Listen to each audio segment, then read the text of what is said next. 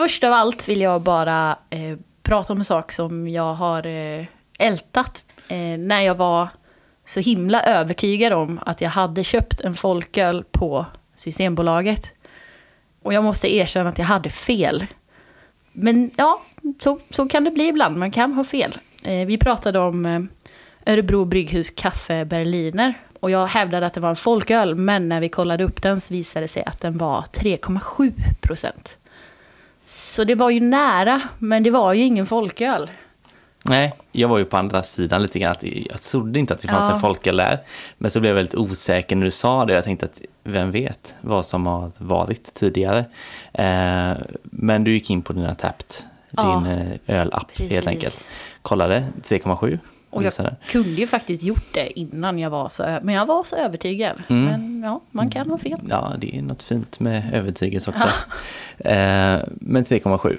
Till mitt försvar, eller jag har hört att det är lite så här att när man, ja men säg att du brygger en IPA på kanske 7% så kan den ändå variera från varje gång du brygger den. Om du brygger samma IPA så kan den skilja sig lite i alkoholprocenten. Eh, men att det alltid liksom, om det är en burk på systemet eller en flaska så säger de 7%. Även om den kanske är 6,7.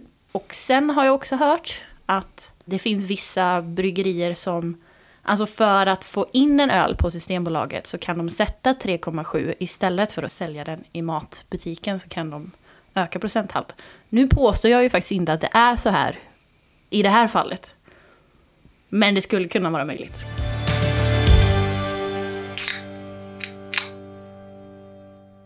Ja, det blev lite av en pudel. Ja, men det blev verkligen. också med reservation för att det faktiskt kan ha varit en folköl. Ja men precis. Ja. Och det ledde ju ändå fram till någon form av intressant eh, diskussion efter det. Ja, Eh, Men egentligen nog om min eh, pudel. Temat för det här avsnittet ska ju vara suröl och det var ju faktiskt en suröl som jag nämnde redan i förra avsnittet. ja. Och jag kommer att tänka på, alltså, när jag började fundera på suröl och folköl em, så har jag en grej som talar till suröl, alltså folk, surfolkölens fördel.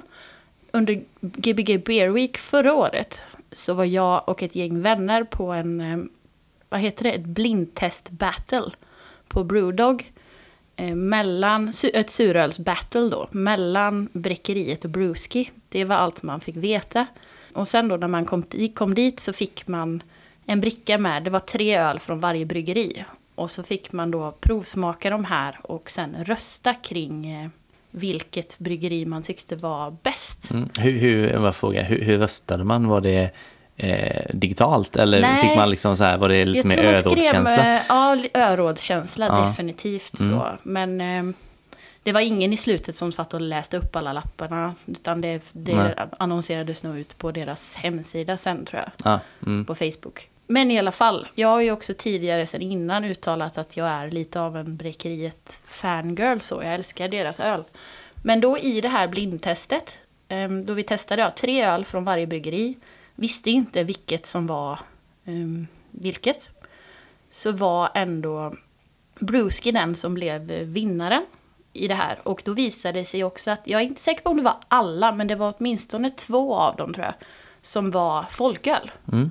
Och att vi var alla, vi var fyra i gänget. Och vi var blandade hur, hur liksom erfarna kring suröl, hur entusiastiska vi är. Vi var, det var en väldigt blandat gäng. Men att vi alla föredrog bräckeri, eller brewski i folkölen Mm. i slutändan. Ja.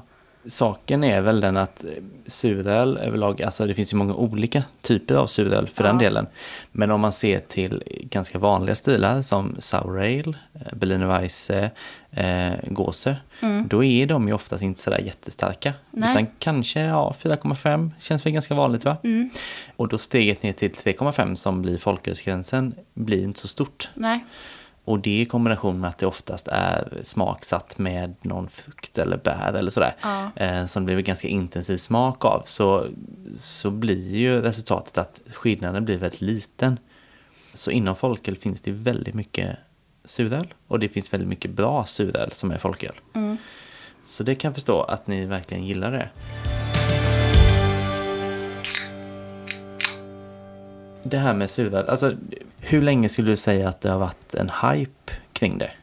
Det är svårt att säga eh, för mig, för jag kan väl um, säga att jag har nördat öl i av de senaste två åren. Och så länge jag har eh, försökt lära mig mycket om öl så har ju surölen ändå varit en, en stor del, en stor hype. Det måste ju varit det som kom efter IPA, även om IPA ändå känns fortfarande än idag som det som folk inte tröttnar på. IPA säger man ju lite så här, ja men halvt skämtsamt i alla fall att det är den nya stor stark. Eh, stämmer ju heller inte riktigt kanske då, Nej. men ändå ett eh, slags eh, uttryckssätt. Men det, precis, jag är lite inne på samma linje som du där, att, att surölen kom liksom efter IPAn. Mm. Det finns alltid en öl som är rätt öl. Eh, om man säger, det var IPAn, mm.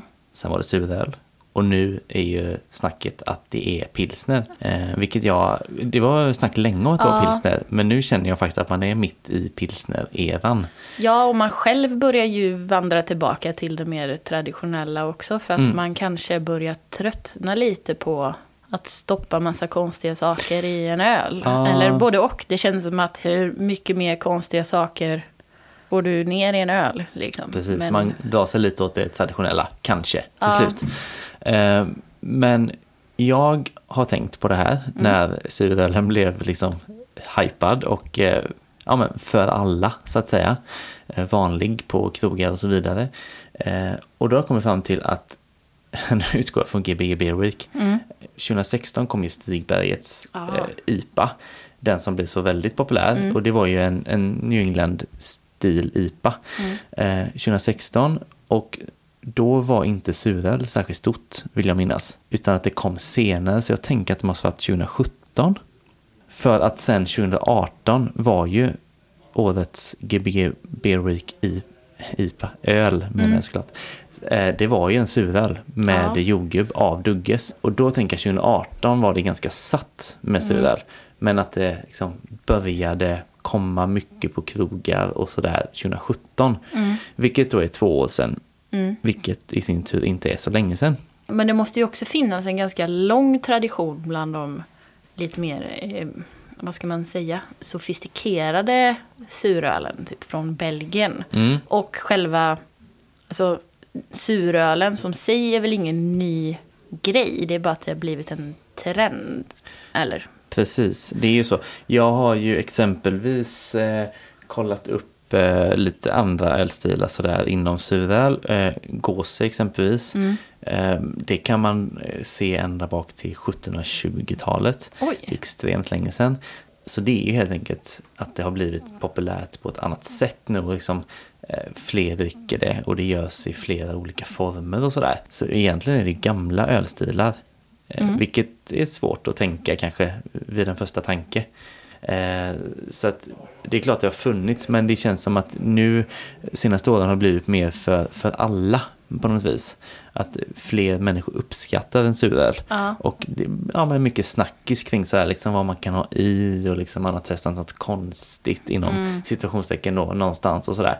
Eh, det är väldigt experimentellt allting. Ja, men också att det känns som att det känns som att i år är det året som att de flesta bryggerier har någonstans tänkt att ah, vi behöver en suröl. Och så, mm. För det har kommit upp eh, från bryggerier som kanske är mer kända för sina traditionella ölstilar. Så ja. dyker det upp en suröl på Systembolaget. Ja, det är lite samma som för några år sedan då. Att, att känns som då behöver alla bryggerier behöver ha en IPA. Det är liksom samma ja. fast nu suröl då. Eh, så väldigt utbrett. Och eh, när jag hade Folk, alltså inte Folkpodden utan mm. Folkbutiken, eh, så var det också väldigt tydligt att det var väldigt mycket suröl.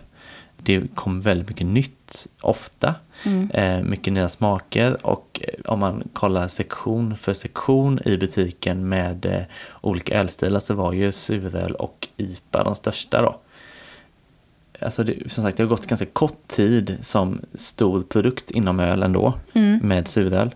Eh, och nu finns det suröl lite överallt och det finns allt möjligt i surölen. Eh, då kan man ju tänka tanken kanske då om det har gått lite överstyr Eller om det är precis lagom som det är nu med allting man kan ha i som sagt var. Alltså det beror på om man ska se... ehm, jag känner ju folkölssurölen har ju kanske inte gått helt så överstyr som resten av surölen, om man ska säga så. Men det känns ju som att men man tror någonstans att nej, men nu har jag druckit allt som går att ha i en sur. Alltså nu har jag druckit alla former av sur. Alltså alla in, konstiga ingredienser du kan stoppa i en öl, de har jag druckit. Men man, man, eh, man blir alltid förvånad, för det, det finns alltid någonting som man tänkte att man hade glömt. Ja, och nya kombinationer. Man kanske har druckit något som är lite så halvkonstigt. Ja, Och ytterligare en öl som är lite halvkonstig. Och så tycker man, ja, det var konstigt. Och Mm. så slår de kanske ihop dem. Och så blir det ännu konstigare. ja. Eller ja, konstigt det behöver inte vara negativt i den här Nej. meningen då. Det kan ju vara jättepositivt. Men det, det finns ju smaker som man kanske inte riktigt associerar med öl då. Nej. Egentligen. Eh, vilken är den konstigaste du har druckit? Om vi, om vi kallar det konstigt nu då. Men eh, speciell blandning så att säga. Alltså man tänker, vi pratar folköl nu Mm. eller? Dels var det nog en av de här som vann i vårt blindtest på Brewdog. Eh, Jag tror att den som vi flest av oss tyckte bäst om var en, en öl med eh, kaffe och svartvinbär om jag inte minns fel. Och det var en väldigt udda kombination som funkade ganska bra. Har några andra som jag kommer att tänka på med en gång. Det är konstigt på olika sätt. Jag vet inte om jag ska bara... Jag kan ju nämna dem ganska snabbt. Jag behöver inte gå in på dem allt för mycket. Nej, för då blir kan det en långt eh, avsnitt. Men jag har svårt att välja en alltså. Spesa upp dem bara. Ja, men dels är det, det finns en, en suröl med citron och lakrits från Tempel brygghus. Och jag är ju, alltså det handlar ju mer om att jag inte är ett fan av lakrits. Det är därför jag säger det med lakrits och inte lakrits. Jag tänker att jag har också. Urspårning är att man säger det med lite förakt. Om man inte tycker om lakrits så säger man lakrits. Ah, Okej, ja. Mm. Eh, I alla fall. För den är nog lite av en vattendelare. Antingen så älskar man den eller så hatar man den. Så den, det är den jag kommer att tänka på. Att, för det var den jag nog, som jag senast drack som jag tyckte var konstig. Ja, jag har faktiskt druckit den. Om jag Ja. ska flika in det. Jag, jag tyckte att den var ganska god. Ja. Eh, men jag gillar ju lakrits då. Ja. och eh, jag vet inte, det var så lite gott sträv liksom. Ja, nej, det var inget. Jag, jag drack inte upp den. Det, Nej.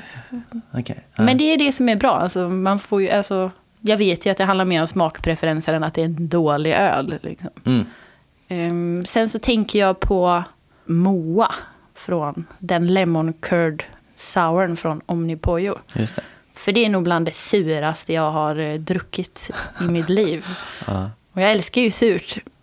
Och jag tror att det, liksom, historien bakom varför den är så sur är väl för att Moa är namnet på Carl Grandins käresta. Jag då vet inte om det är en fru eller en flickvän eller vad det är. Och Men Carl den- Gardin är eh, formgivare åt Ja, Omnipojo. precis. En av grundarna och formgivaren som gör Yes. design. Och att den är en hyllning till henne och hennes ansiktsreaktion. Eh, under tiden de har, hon har fått följa med honom på alla öl och smaka på alla öl de senaste tio åren. Liksom, att, Mhm. För att den, den är så sur att man bara skrynklar ihop ansiktet. Och Mm. att det är hennes reaktion på mycket öl som de har provat under Mm. de här åren. Kul med en eh, historia bakom Ja. det då. Sen kan det ju feltolkas att hon är sur. Men det Nej, är ju nej. inte så man ska Nej. tolka det. Nej. En hemlis så kan ju vara att jag inte har druckit den. Har du inte det? Nej, Va? jag sålde den och jag har Ah. säkert sagt att jag har druckit den. Och det kan man ju känna att det var lite Ja, roligt det då. tror jag Men till och med du har sagt till mig. Alltså. Det har jag nog gjort. Eh, men det har inte gjort. Det kom väldigt mycket öl ett tag. Jag hann Ja. liksom inte med. Men ehm, ja, den är, jag har hört också att den är väldigt sur. Ja. jag får gå på det helt enkelt. Det är, man har druckit mycket surt, men den är sur. Ja, den är sur.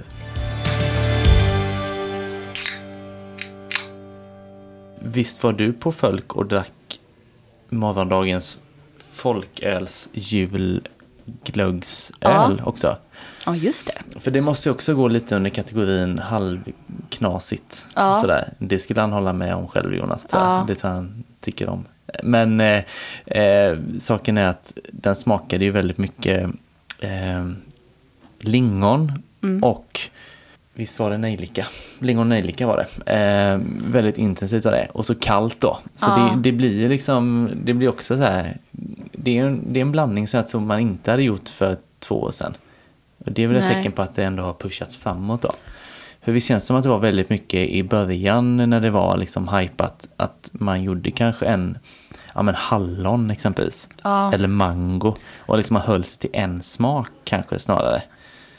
Eh, men att det nu har gått liksom varvet runt ordentligt och nu blandar man det mesta. Ja, men nu, tänk, alltså, nu, nu ska jag låta, jag vet inte om jag låter hård, men jag tänker att det är ny, nybörjarsurölen är hallon och Mm. jordgubb och Ja. standardbären. Eller det som har kommit ut från de flesta, alltså, hur många hallonsuröl kom det på Systembolaget den här sommaren? Fler än någonsin innan vågar jag påstå. Liksom. Älskar och det hallon. är ju ja, tryggt och bra liksom. Vet du vad som är gott mer? jag måste säga detta nu. Eh, smultron är ju väldigt gott Ja, också. mm. Ja, Har jag hört. det har du hört. Ja. Jag vet inte om den ska vara med. Men eh, vi har inte träffats, som sagt var, som jag sa första gången eh, i första avsnittet. Vi har inte träffats så många gånger. Nej. Men, eh, så jag har träffats fem gånger innan vi Ja. började spela in.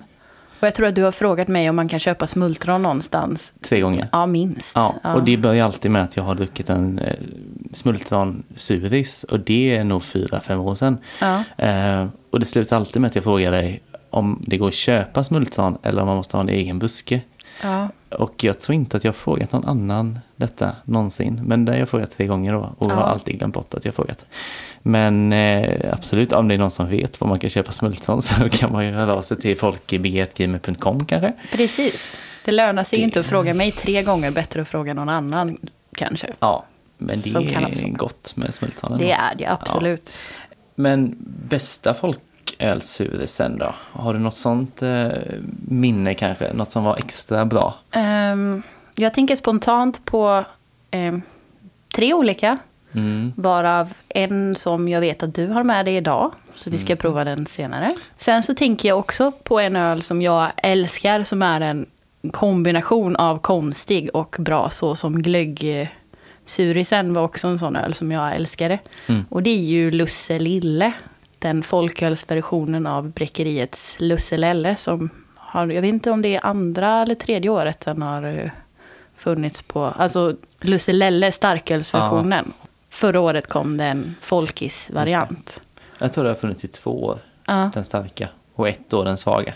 Den svaga blev ju ofantligt populär. ja, det kan jag tänka mig. Ja. Och det är då alltså en, en suröl med saffran i. Mm. Som kommer lite, någon månad innan jul tror jag. Ja. Så kommer den i år så är ju tips redan nu att man köper på sig lite grann. Ja. För att den kommer inte finnas i butik i december antagligen. Antagligen inte. Så det är den och sen så återgår vi nu igen till Omnipojo Bruno. Mm. Spännande. Hallon, lime, Ja, jättegod. det råkar ju vara min favorit också då. Ah. Den är ju något extra alltså. Den är väldigt krämig och lite halvtjock nästan, Mm. tycker jag. Eh, och väldigt intensiv i Ja. smaken. Så det är faktiskt min favorit folksuröl också. Det var ju nästan lite trist att det var Jaha. så, men eh, vi får ju tycka samma då. Men ingen av oss har med oss den som provning idag dock. Men eh, jag vet inte om de kommer göra den igen. Det Nej, är lite osäkert har jag hört. det För att det var väldigt mycket bär i Ja, den. kan tänka mig det. Ja. Det är en dyr öl ändå. Vi har varit in lite på att surölen har en hype. Mm. Fortfarande skulle jag säga, även om den har pågått ett tag så känns det som att den fortfarande finns. Alltså går man ut och dricker bärs som här i stan exempelvis, då är det ju, alltså finns det 20 kranar med öl så finns det ju fem suröl kanske. Och det är samma om man går på en ganska välsorterad eh, matbutik då. Det är ju ganska mycket suröl Ja. faktiskt även där. Och då är ju frågan, överlever surölen sin hype eller kommer det liksom dö av sen tror du? Alltså jag tror att den kommer ändra publik. I de här riktiga nördsammanhangen där man ska vara först på bollen på allting och alltid ha koll. Så kanske surölen, i, i alla fall den här galna surölen med massa konstiga saker i. Den hypen kommer nog kanske dö ut lite. Medan den traditionella surölen om man ska prata om ja, som vi pratade om tidigare, de lite finare surölen.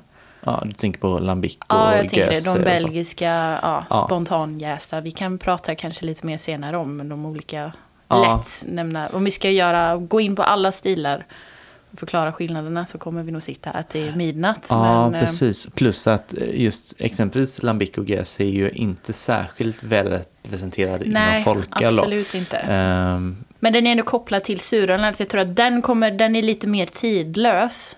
Medan den här galna surölen kanske kommer att... ehm, att man tröttnar lite. Men att det finns en annan... Alltså jag känner ganska många i min bekantskapskrets som är... Alltså som tycker det är kul att upptäcka nya saker men inte är liksom jättekunniga inom öl.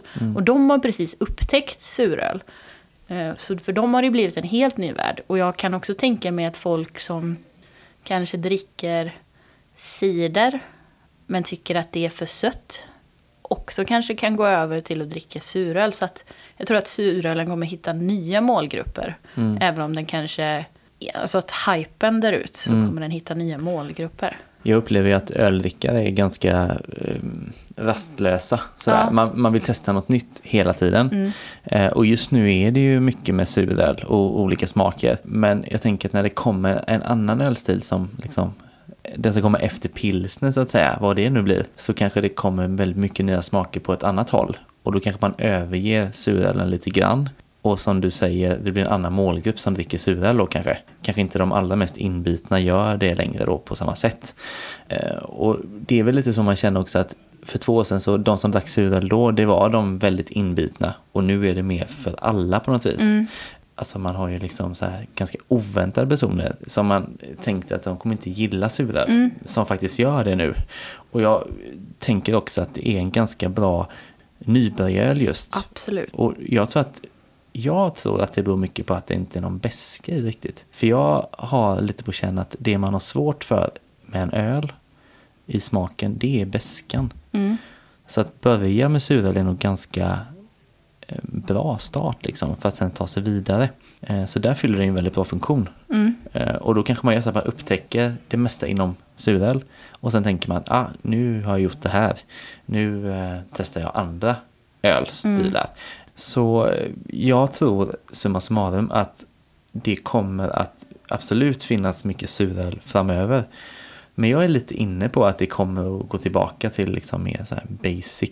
Att man inte jagar liksom den här smakkicken med varje öl utan att man kanske snarare vill ha något lite mer stabilt. Så här, liksom, ja, men nu vill jag ha en suröl och den ska smaka Mm. hallon eller mango eller ja, sådär. Ja. Alltså, inte så komplext utan Nej. lite mer enkelt. Liksom. Precis. I varje avsnitt så har vi en fördom.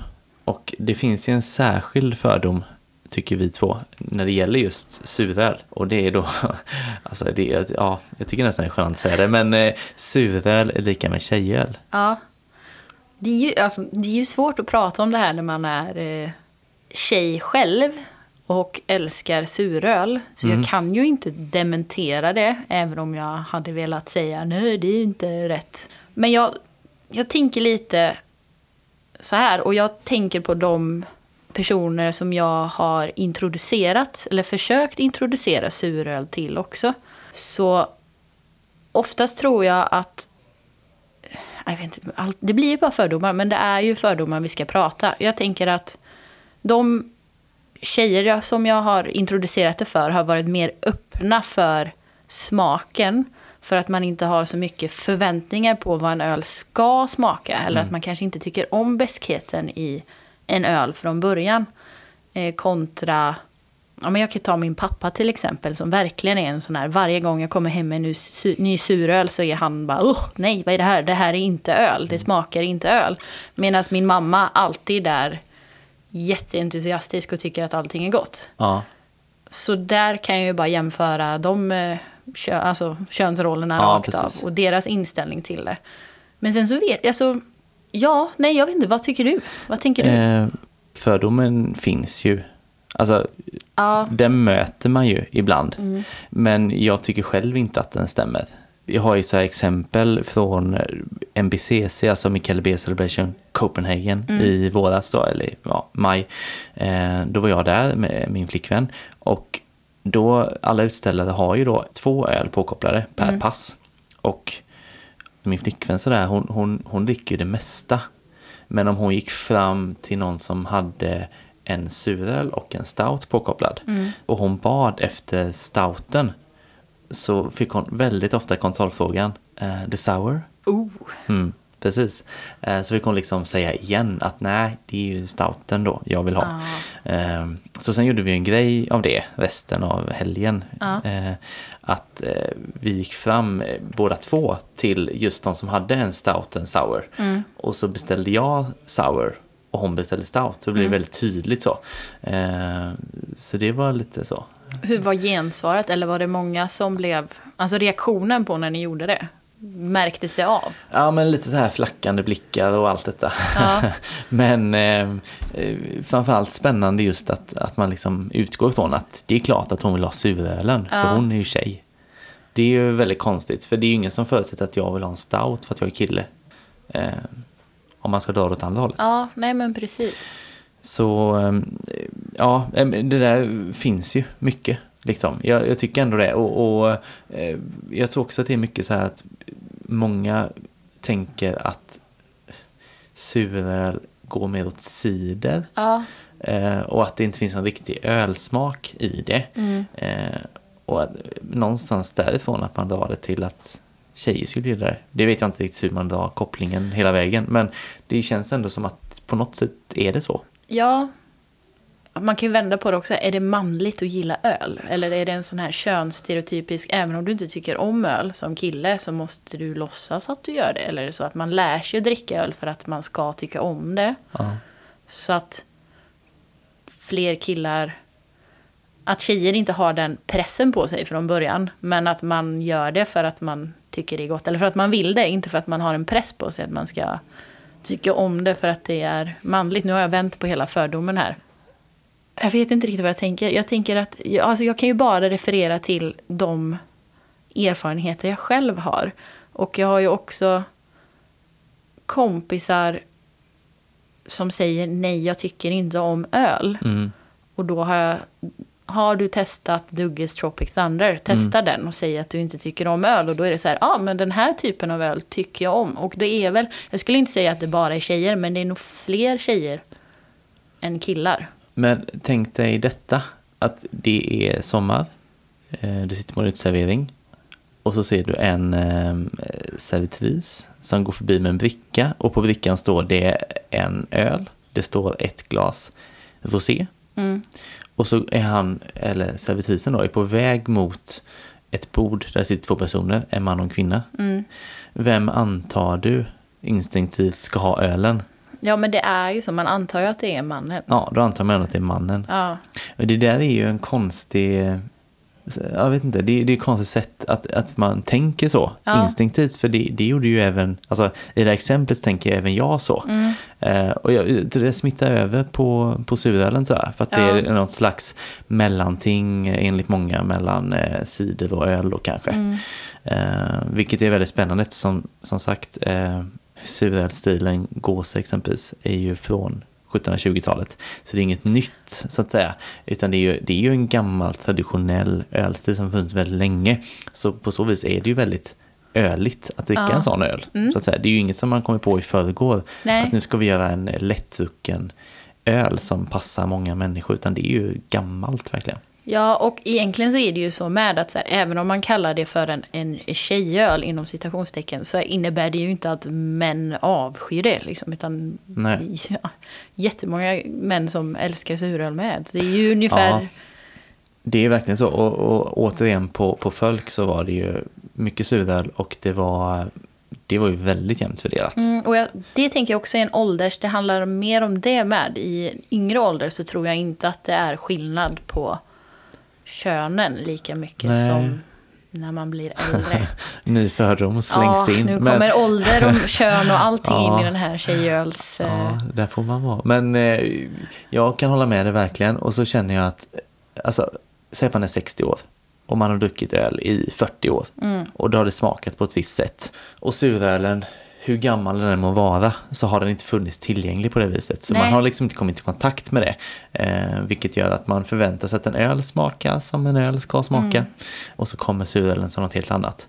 Samtidigt så tänker jag också så här, jag var på eh, Omnipojos Flora i eh, Humlegården, Djup. Stockholm. Ja, Stockholm.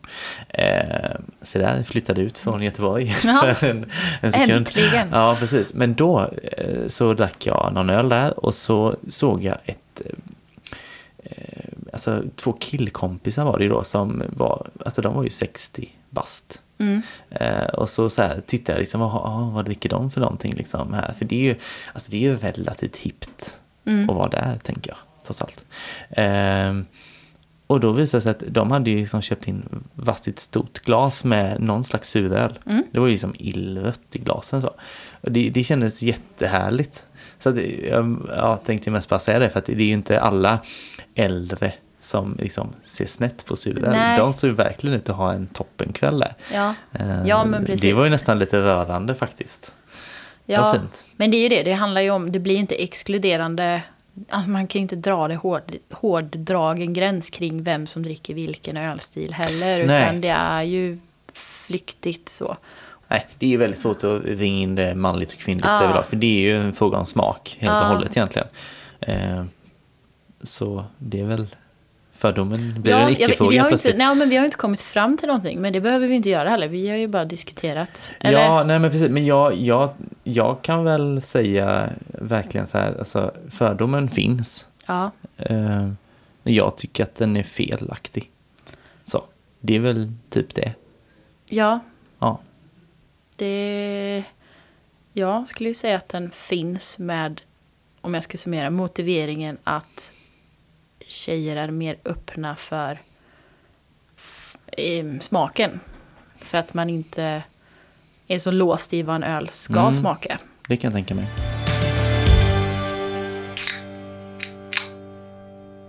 Framme vid eh, provningen. Mm. Det är det det bästa eller? Idag är det absolut det. Idag är det bästa. Jag ska säga att vi har en ganska bra lineup. Ja, Eh, det, så det känns som att det är mycket säkra kort. Eh, det kommer det bli bra detta. det Helt tror enkelt. jag. Det finns ju en som ingen av oss har provat än. Ja, Men den, ja, den kommer nog bli bra tror jag. det tror jag. Det känns stabilt. Ja. Jag är med två stycken så jag tänker att jag börjar med min ena då. Och då har jag med mig en eh, gose som då är en eh, mjölksyrejäst veteöl och så har den lite sälta i sig och den är kryddad med lite koriander. Så den har ju lite då komplexitet i sig, ju tanken. Jag känner själv inte alltid varken salt eller koriander.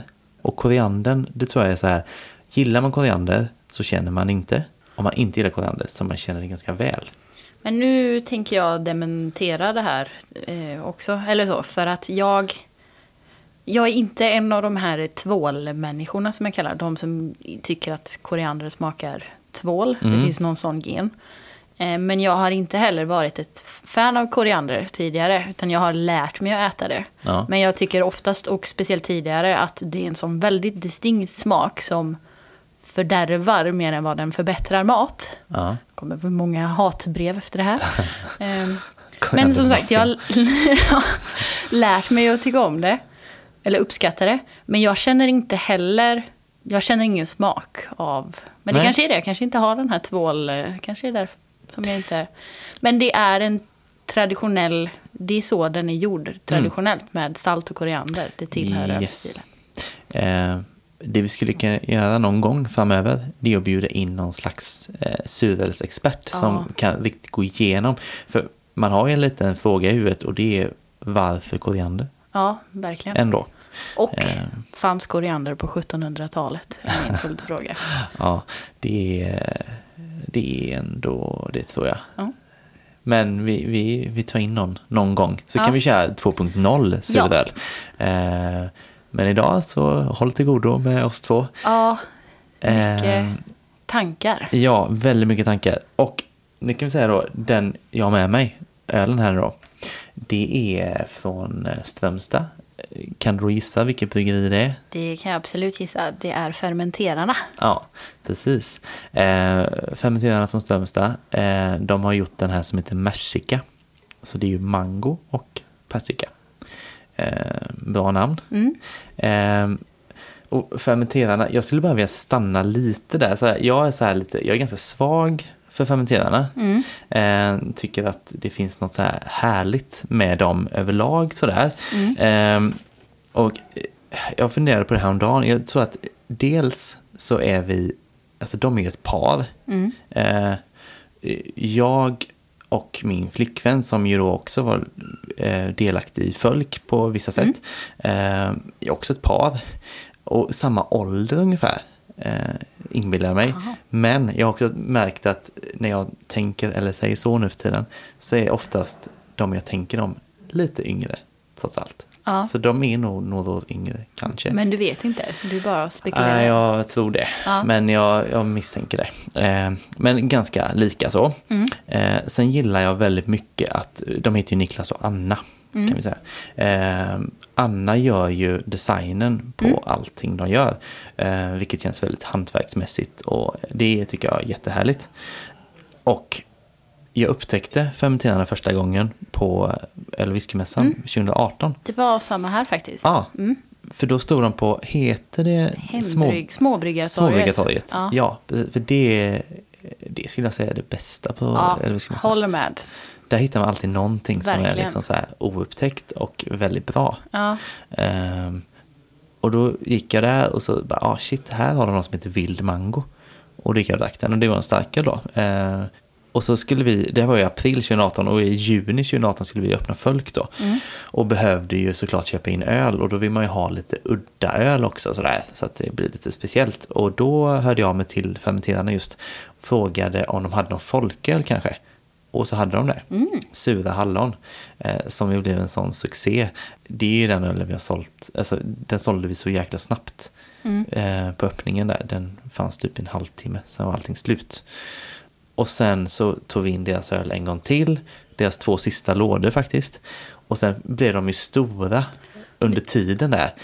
Och då som oftast eh, så prioriterar ju bryggerierna att göra starköl då för att det finns större efterfrågan. Så då började de eh, lägga folkölen åt sidan, bryggde starköl och sen uppdaterade de väl sig till ett större bryggverk om jag minns Ja. rätt också här någonstans i vintras. Ja. För att sen komma tillbaka med folköl i våras. Eh, som vi också sålde då på Ja, Folk. Bland annat Massica. Ja. Så den här är ju, eh, om man vet var den är köpt så är den ju för det första inte köpt utan den är bara eh, gåvoöl. eh, helt enkelt. Det är ju så gott som något. Eh, men jag misstänker att så länge den är i produktion så har den funnits tidigare på Glasbanken. Ja. Där man kan köpa öl via nätet. Eh, och i ja, välsorterade butiker överlag. Då. Så, att, så länge den finns i produktion så ska det nog gå att få tag på den. Vi kan bara säga, färgen är så här, den är ju riktigt gul alltså. Det är Ja. ju juice, verkligen. Eh, och när man doftar på den så luktar den ju lite så här mangojuice tycker jag. Ja. Och, och lite surt såklart. Ja, det, ja, För det såklart. är den ju, det är ju surölsavsnittet trots Men allt. ty- ja, jag tycker ändå jag känner persikan Mm. Också. Känner du saltet? Nej, Nej. inte koriander.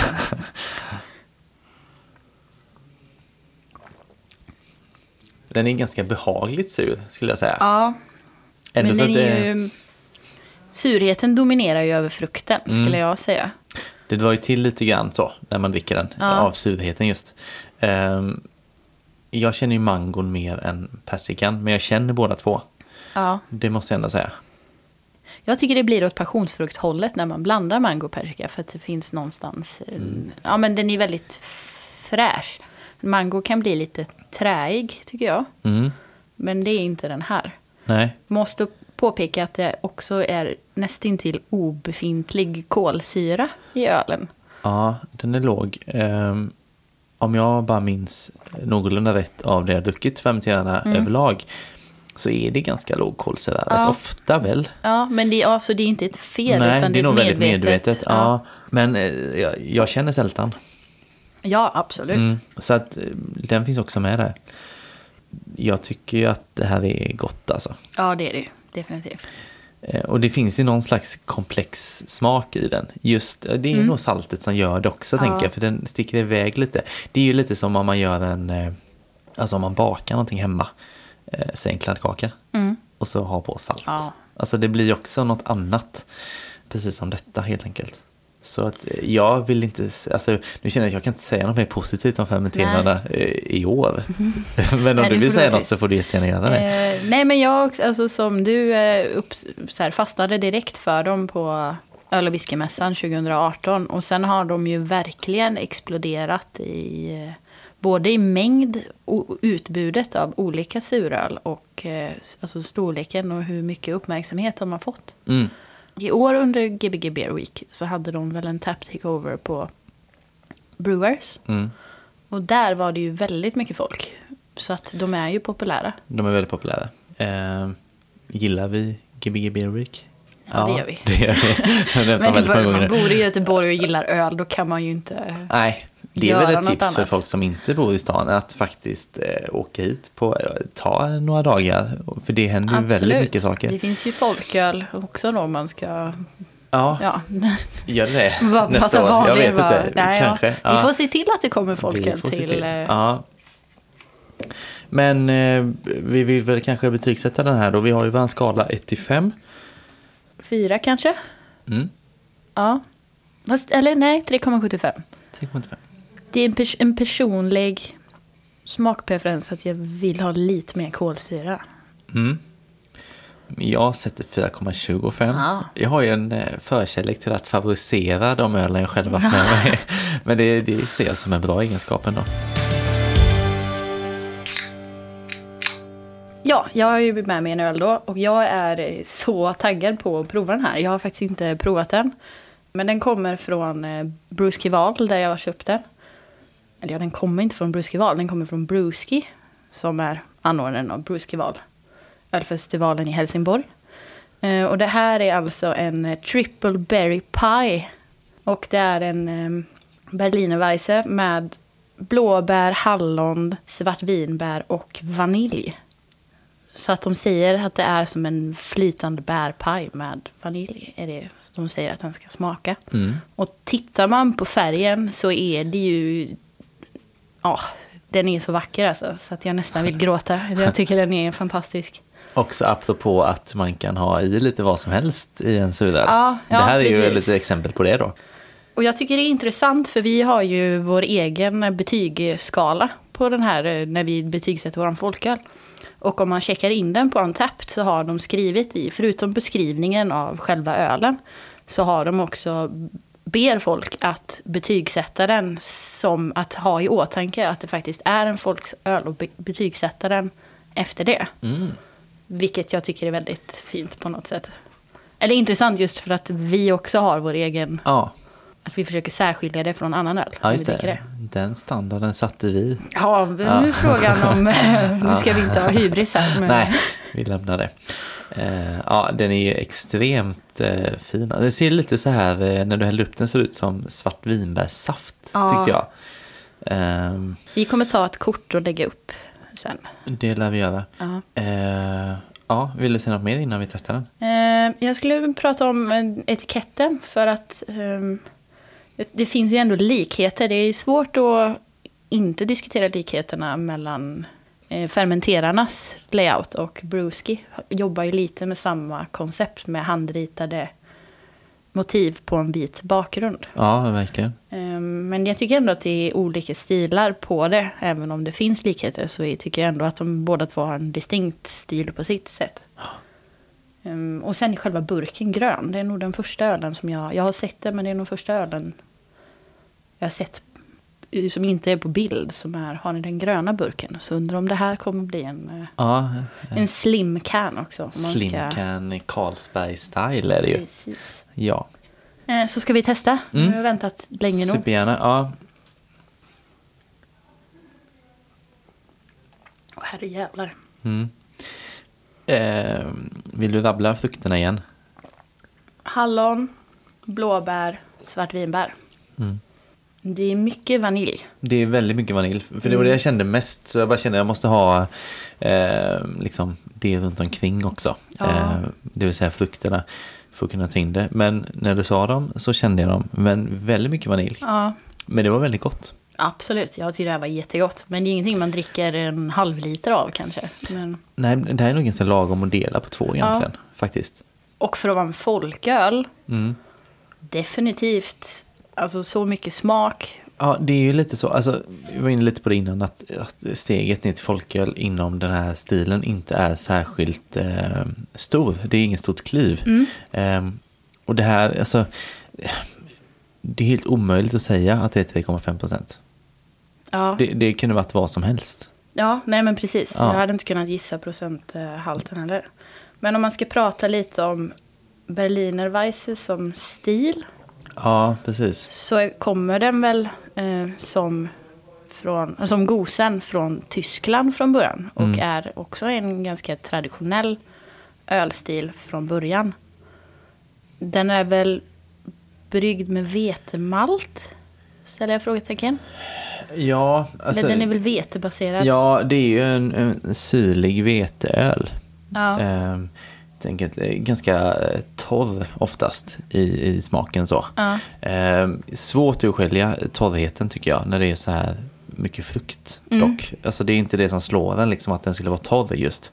Ehm, men eh, och sen man surnar ju ner den med eh, laktobakterier, floror helt enkelt. Mm. Eh, egentligen som med, med, föregående öl också där med eh, gosen liksom. Det är ju laktobaciller som, som gör eh, att den blir sur då. Mm. Vad sätter du för betyg? Du, jag väljer att sätta... Ja, det är spännande alltså. Ja, ska man höja lite på den här kanske? Eh, 4,25 förra. Den här är ju ytterligare lite komplex, tycker jag. Och det tycker jag är härligt. Och det är också så här, vi pratade om det innan, och på ett sätt kan jag längta efter att, att det ska gå tillbaka mer till alltså, back to basic. Liksom, ja, nu gör vi en hallonöl. Ja. Det, jag kan längta lite efter det. Men samtidigt så gillar jag ju det här. Så det innebär väl att man egentligen inte har en åsikt antar jag. Nej, men, men den är ju också eh, mycket mindre sur än, jämfört med den tidigare. Så är den Ja. här mer bärig, mer söt. Ja. Och jag antar att det är vaniljen som kommer in och dämpar ganska mycket av Exakt. Eh, syl, syrliga, sura. bärig är ju ordet Ja. faktiskt. Eh, men alltså 4,5. Ja, jag är med dig. Ja, Jag, alltså jag skulle ju kunna sätta högre, men jag, man vill alltid ha utrymme för att det kan bli bättre. Men jag tycker det här var fantastiskt just på grund av att den är så fyllig. Att jag hade aldrig kunnat gissa att det var en folköl om jag, någon bara hade serverat den mig. Nej, precis. Serverat mig den. Och det här är också eh, ett bra exempel på att det har hänt mycket inom folköl just. Mm. Eh, det här har inte alltid funnits, så att Nej. säga. Utan att eh, det har ju verkligen utvecklats och spridit sig till flera stilar eh, och jättemycket olika smaker. Liksom. Mm. Eh, och det är ju inte så länge sedan det skedde. Det är ju senaste, jag höftar säga fem åren kanske. Ja. Men eh, framförallt kanske senaste två, tre åren som det verkligen har eskalerat då ju. Mm. Och nu har vi en sån här öl. Det är ju jättetrevligt. Om man vill få tag på en sån här öl, du har köpt den på Bruskival, Ja. inne på området. Ja, precis. Eh, Det tycker jag också är eh, någonting jag lade märke till som också är ett tecken på att, jag, att folköl får mer utrymme i ölscenen. Är ju då att de i år sålde öl som man kunde ta med sig hem. Och då var det då Brewski som sålde den här bärpajen och en annan, en gose.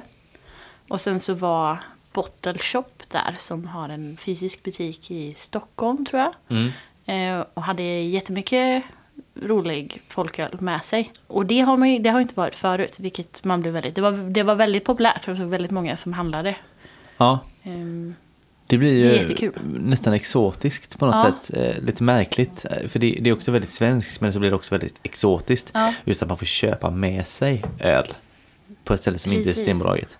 Ehm, känns lite förbjudet. Ja, det gör det ju faktiskt så. Är det här okej verkligen? Ja. Kolla över axeln och, och allt detta. Ja, precis. Eh, men om man då vill köpa den här så känns det som att den finns ju säkerligen att få tag på i just Helsingborg. Ja, Affes kiosk.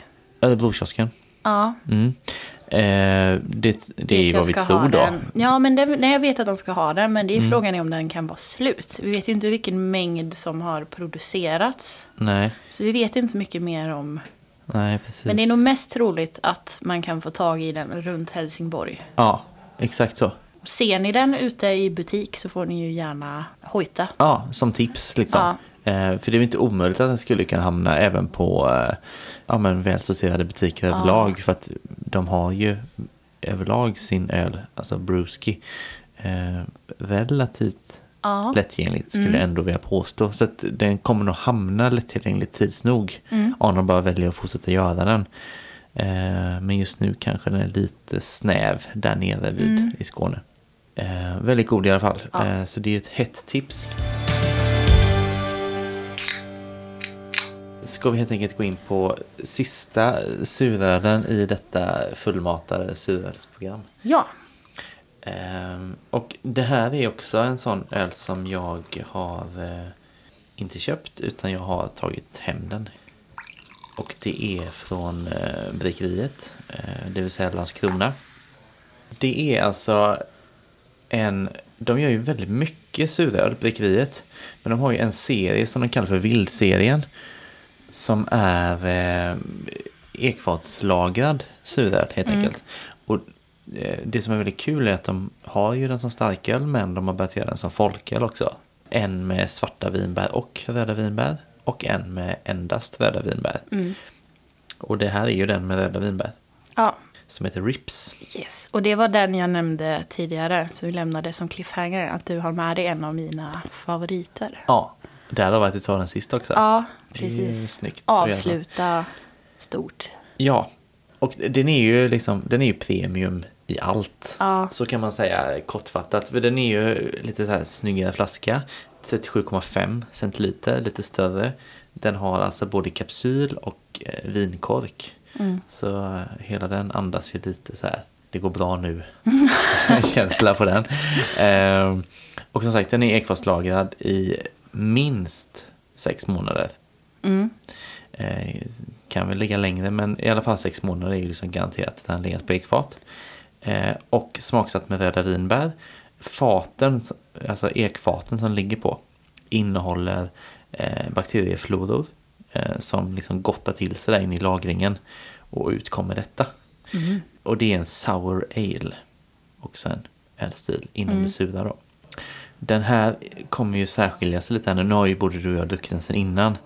Så både du och jag har ju på känn att ja, det här är ju något lite extra då. Och jag tänker att bara man doftar på den. Ja, Så man känner ju, det är ju lagringen helt enkelt. Ekfatet. Ja. Det känns väldigt tydligt. verkligen den här lite mm, funky, Ja, ja, funky ton. mm.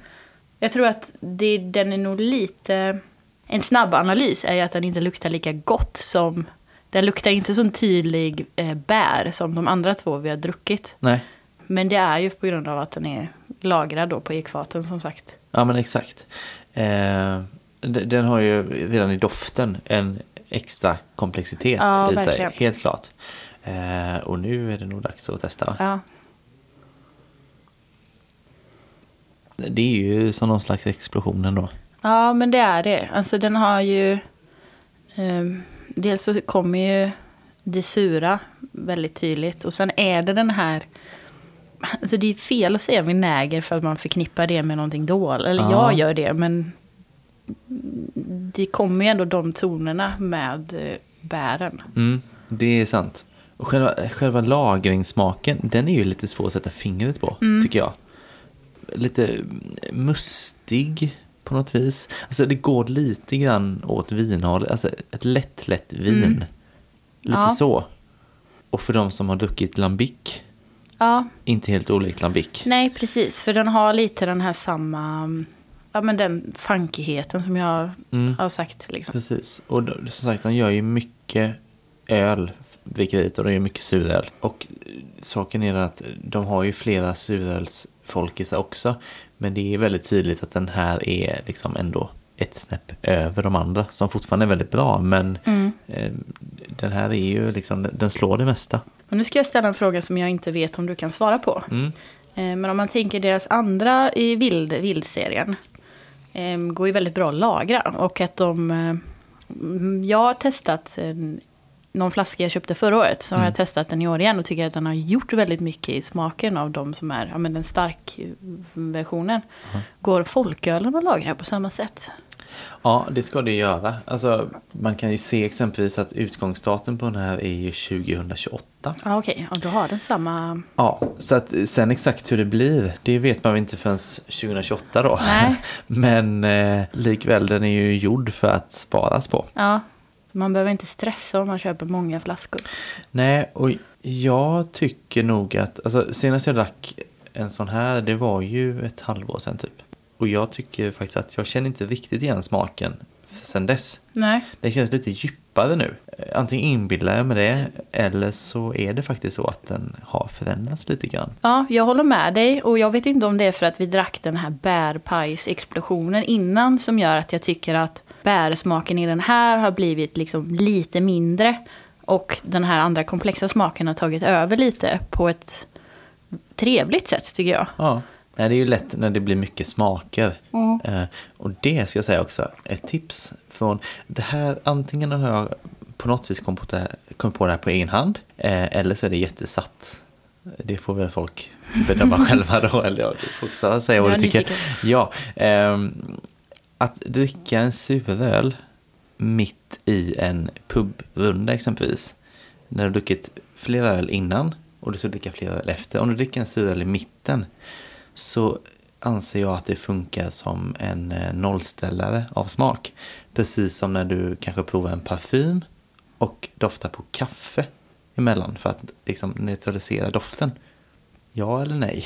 Ehm, jo, jag håller med. Eller jag, jag tänker bara tillbaka på Bruce Keval. För att man börjar med att dricka tre stouts. Och sen Mm. känner man att nu behöver jag ha någonting annat. Och då går man till surölen. Man går inte till IPAn eller något annat. Utan man går till en suröl för att den, ja men som du säger, ändå neutraliserar smaken lite. Om man inte dricker någon jättekonstig suröl då. Mm. Ja. Men, ja. Nej, precis. Men ja, så, det kanske är jättesatt att det är så här. Eh, Men hur som helst, nästa gång man är ute och liksom dricker lite olika öl sådär, så kan man ändå testa det som en lite sån, eh, ja, bara för skojs skull. ja. Eh, Och se om man tycker att det funkar. För just nu känner jag mig väldigt neutral i munnen ändå. Ja. Även att det är väldigt mycket smak Ja, men- i allt detta så känns det ändå på något vis Verkligen. neutraliserat. Det har du väldigt rätt i. Det har jag inte tänkt på på det sättet. Men ja. Eh, hade ju provningar på folk. Mm. Oftast fem öl och det var alltid suröl i mitten. Mm. Eh, så det var ju succé. Var det någonting du kom på själv? Eller var det något du Eh. hade lärt dig? Nej, jag, jag, alltså, man, man tror ju på, på, saker själv. Eh, men oftast gör man inte det. Alltså det är någon som har eh, liksom, påverkat en på något vis. Mm. Ja. Ja, det är klart. Mm. Vi har inte satt betyg på den här än. Nej. Eh, jag vet vad jag kommer sätta. Du kan få börja om du vill. Jag...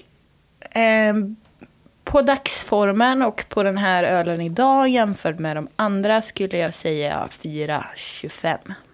För att jag är lite eh, tagen av den här bärpajen. Även om jag inte vill det, så är det. Ja, jag fattar. Eh, jag, det här kommer bli mitt högsta betyg. Oh. ja, du ser. Men eh, man är sparsam med femmorna. Ja. Alltså så är det ju bara. Eh, 4,75. Ja.